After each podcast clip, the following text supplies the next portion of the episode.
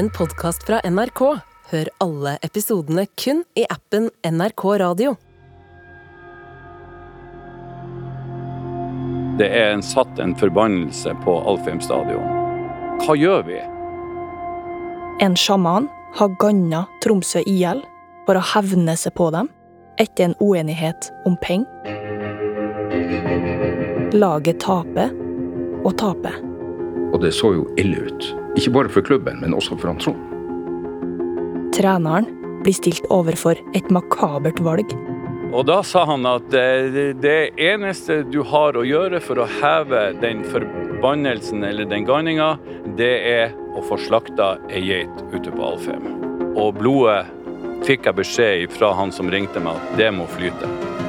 Det her er mysteriet om fotballforbannelsen. Andre og siste del. Jeg heter Kristi Hol. Reporter er Christer Jonsgaard.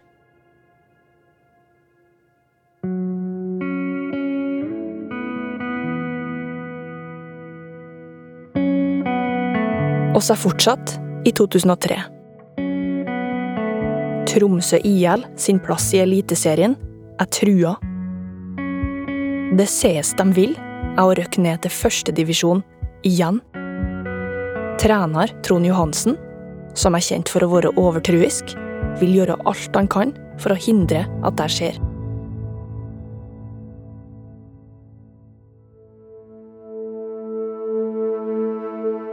En fremmed har ringt til Trond og fortalt at TIL er blitt ganna av en sjaman. Altså Det som han sier, det er at Trond, dere kommer ikke til å vinne noe mer fotballkamper på Alfheim stadion før en forbannelse er brutt. For treneren er det blodig alvor. For det her er ikke første gangen Trond hører om et idrettslag i Nord-Norge som utsettes for mørke krefter. Jeg hadde jo hørt om en lignende situasjon som hadde vært i, eh, oppe i Finnmark i, på slutten av 90-tallet. Historien Trond tenker på, er godt kjent og skjer i 1999. Hammerfest ligger i toppen av andredivisjon. Så skal de spille mot Alta. Dommeren er samisk. Mikkel Sara heter han. Hammerfestlaget tykker han dømmer dårlig. De roper stygge ting til han fra sidelinja. Dommeren blir irritert. Han sier at hvis ikke laget ber om unnskyldning, så kommer han til å ganne dem. Hammerfest fotballklubb sier ikke unnskyld. Laget taper alle kamper. De røkker ned. Og det laget fra å lede serien til etter det her hadde skjedd, eh, tok vel ikke et eneste poeng før at det ble bedt om unnskyldning.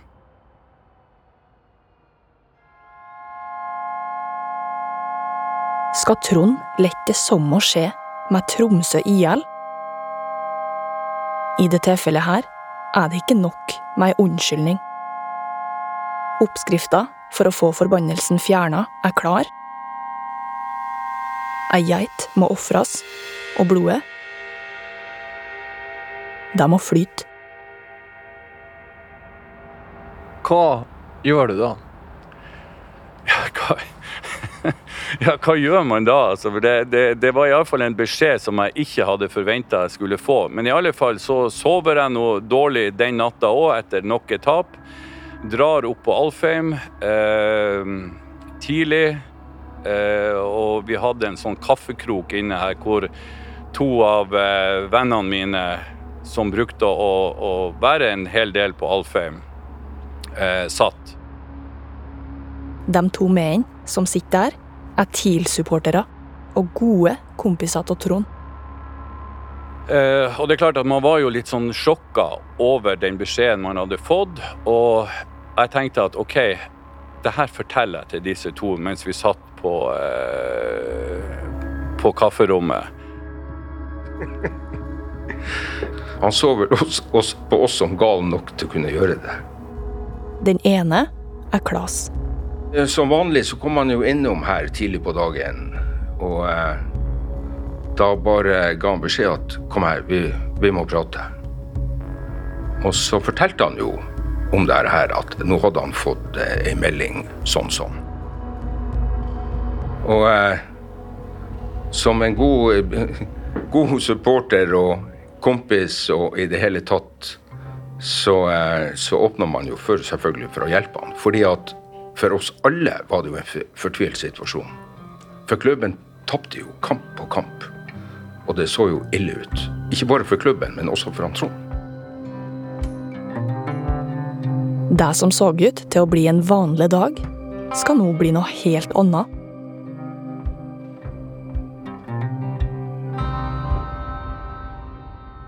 Trener Trond.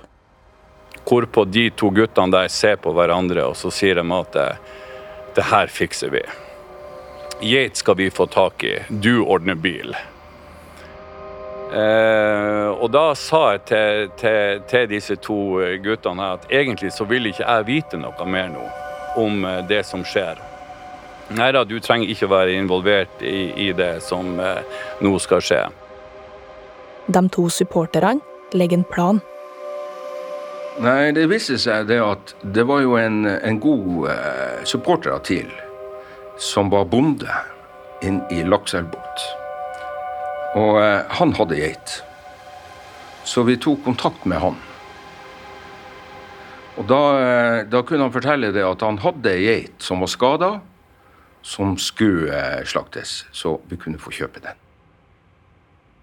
Trond skaffer en varebil til Klas og kompisen. Så kjørte vi inn. Vi hadde en, en stor, romslig hais. Møte bonden.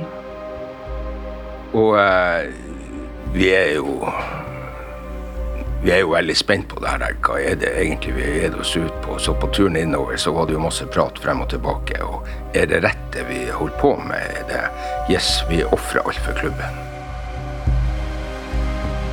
Så vi kommer inn hilser på eh, bonden og eh, får geita. Og han hjelper oss da med geita inn i bilen. Dere måtte betale for den? Vi betalte 250 kroner. Han sier mer, han, han bonden, da. Det var ingen tvil i hans øyne om at dette kom til å virke, fordi at han trodde òg på det. Offeret er klart. De plasserer dyret bak i bilen og kjører. Vi satt jo der og, og, og prata, og, og av og til så hørte vi jo geita bak i bilen. Hun ga jo lyder fra seg, og på en måte så virka det som at geita visste hva hun gikk til. Det var en sånn merkelig eh, følelse.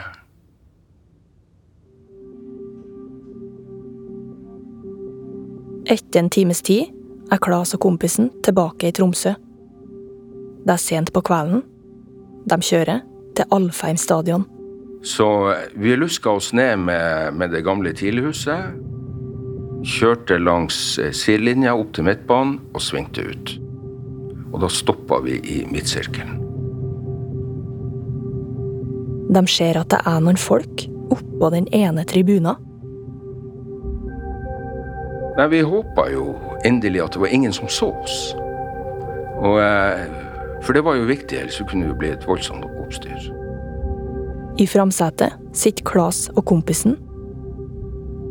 Nå skal det skje. Så måtte vi jo planlegge hvordan skulle vi gjøre det her. Vi hadde jo fått lånt da ei maske, slaktemaske av bonden, som, eh, som vi hadde på geita. Ei slaktemaske er en gjenstand som en kan bruke til å avlive dyr med, på en kjapp og human måte. Den skyter en bolt eller et slags skudd inn i hjernen. De har òg med en kniv. Kompisen som var en del større enn meg, han kom seg først inn da, i, bak i bilen, la seg over geita, og hylte og skrek. Men eh, vi fikk henne ut utfor kanten på døra med hodet. Og eh, det var da det skjedde.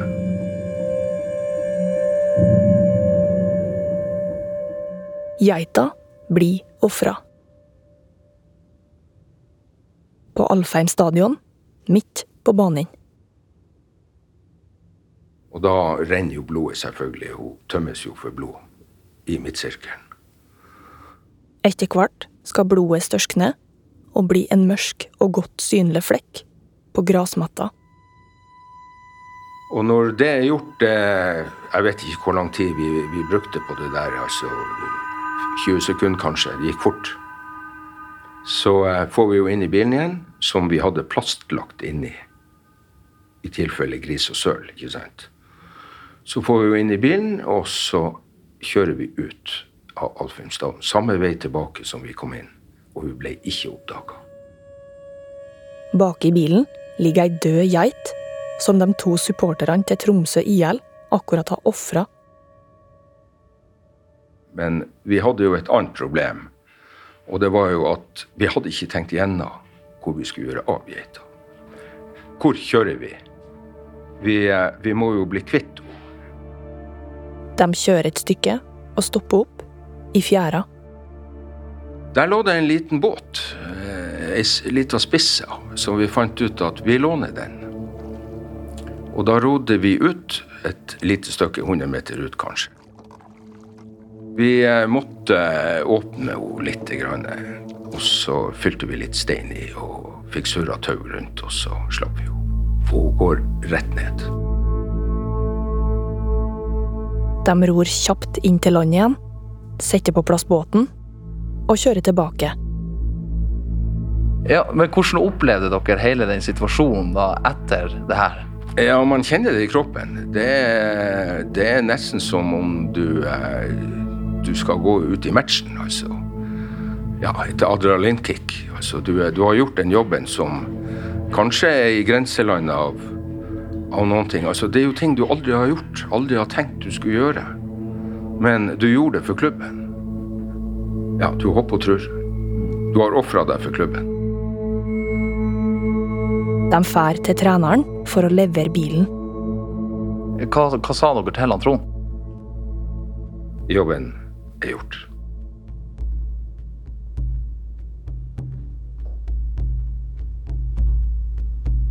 Hva sa kjerringa di når du kom hjem? Nei, jeg bare lurte på hvor jeg hadde vært, og eh, da er det, kommer det jo en hvit løgn, selvfølgelig. Ikke sant? Man har vært hos en kompis og sett fotball, eller Ofringa av geita blir mellom de tre.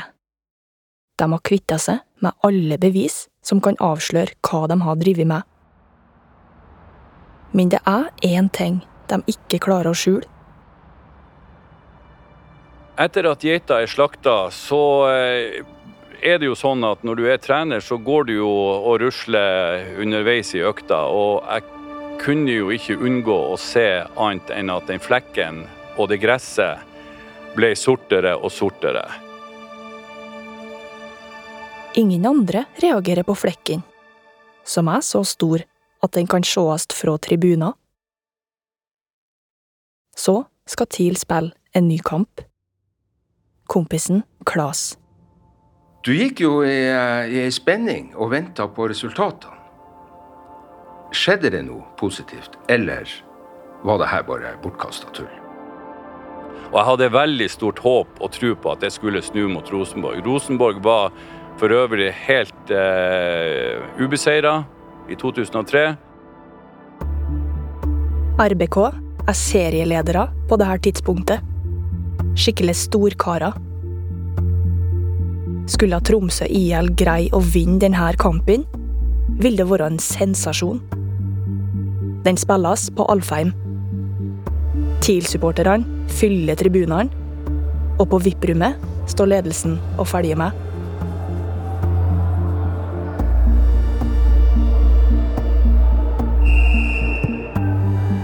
Trond står på sidelinja med høy puls, i sin blå pumajakke og svarte treningsbukse. Kampen bølger fram og tilbake. I tre måneder har han og publikum sett laget sitt gang på tap på tap. Ti minutter går. Og så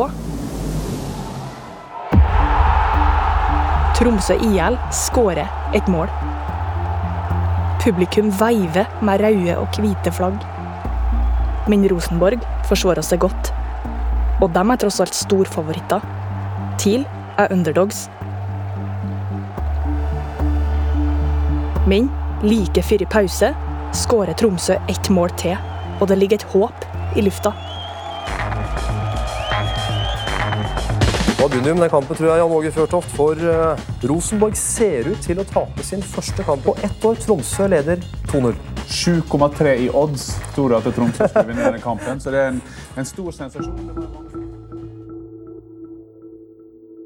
I andre omgang presser RBK på for å utligne. Men TIL forsvarer målet sitt med nebb og klør. Kampuret nærmer seg 90 minutter. Så skårer Rosenborg. Skal det glippe helt på slutten?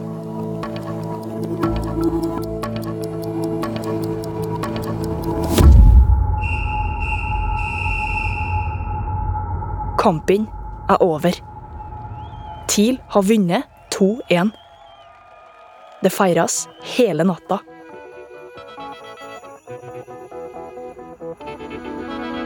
Herregud, det var en fantastisk lettelse å se glade TIL-supportere. Vi var underdogs, og det hylte etter, for vi hadde ikke prestert eh, en dritt her på Alfheim i 2003. Hvilke tanker går gjennom kroppen din da? Ja, kan du tenke deg det? Jeg tror jeg gikk bort til den der eh, flekken der og, og, eh, og bare registrerte den og gikk i garderoben og var selvfølgelig kjempeglad for at vi hadde slått eh, Rosenborg og fått oss tre poeng. Føler lettelse. Du kanskje følte at uh, yes, endelig er forbannelsen brutt. Nå må det snu. Og nå har det snudd.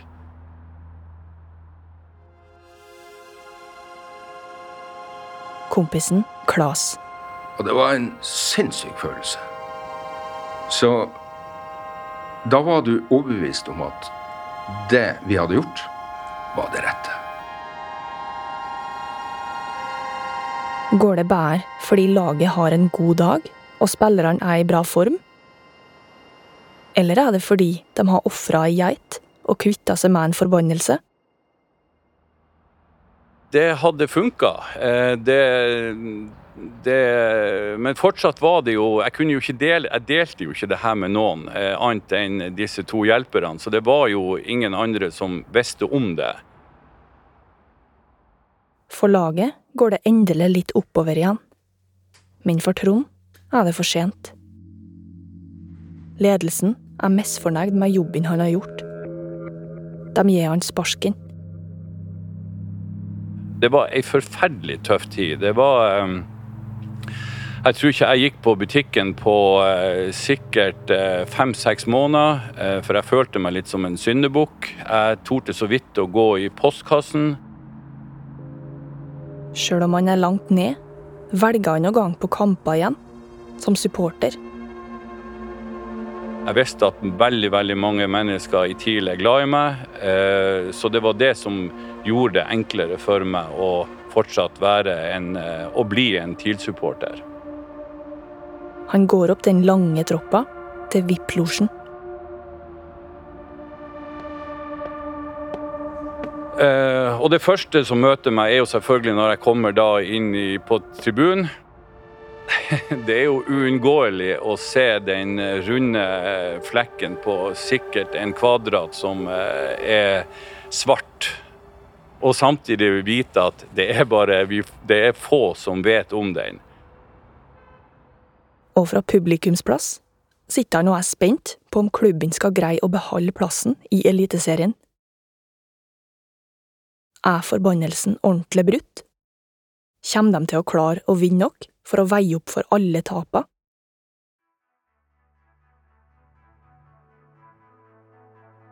I den aller siste kampen for sesongen får de svaret. På Lerkendal stadion mot Rosenborg. Trond ser kampen hjem i stugga si. Etter 90 minutter så er det fortsatt 0-0. Nytt hjørnespark til Tromsø. Vi er godt på overtid. Det kan ikke være mange sekunder igjen. Det er antagelig den aller siste sjansen i Tippeligaen 2003 det er for Tromsø. Der går hjørnesparket høyt opp i feltet. Går hvem, og det går i mål! Den går i mål! Det er skåring for Tromsø på Lerkendal! I aller siste sekund skårer Tromsø på Lerkendal! Da husker jeg eh, at eh, vi hadde sånne svære tredragere i, eh, i, eh, i taket. Og jeg husker jeg hoppa opp og smurte knyttneven så hardt at eh, blodet rant av knyttneven eh, i ren, pur glede etter skåringa, og at, at TIL klarte det. Seg ingen rolle. Tromsø har berga plassen i Tippeligaen antagelig med den skåringa her.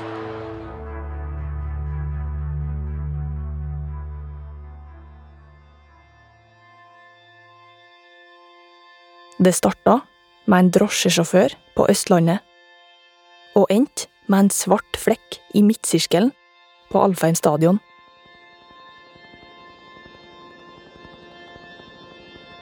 I mange år hadde gått rykter i klubben om ofringa av geita.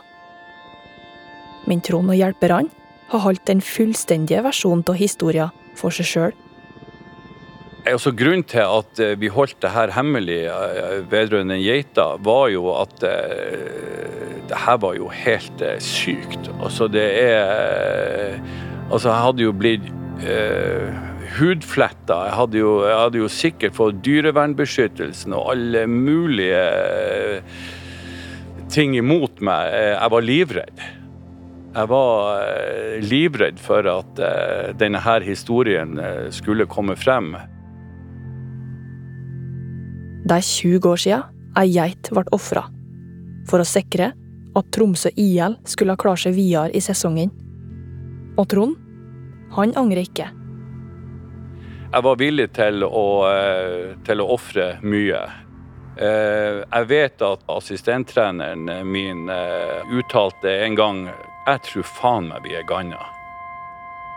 Og hadde vi ikke gjort noe, TIL hadde røkka ned i 2003, så hadde det vært total økonomisk ruin. Altså Vi hadde aldri, kanskje den dag i dag, hatt et tippeligalag og kommet oss på, på føttene igjen. Jeg er veldig glad for at jeg gjorde det jeg gjorde. Hadde jeg ikke gjort det, så tror jeg jeg hadde ville angre den dag i dag.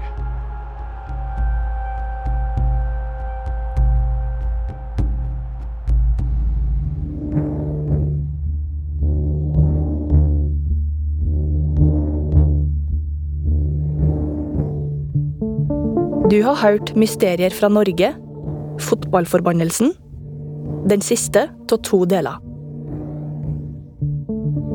Ingen av dem oss har tåla med om denne historien, kommer i haug navnet på sjamanen, og har derfor ikke fått tak i han for å høre hans versjon av saka.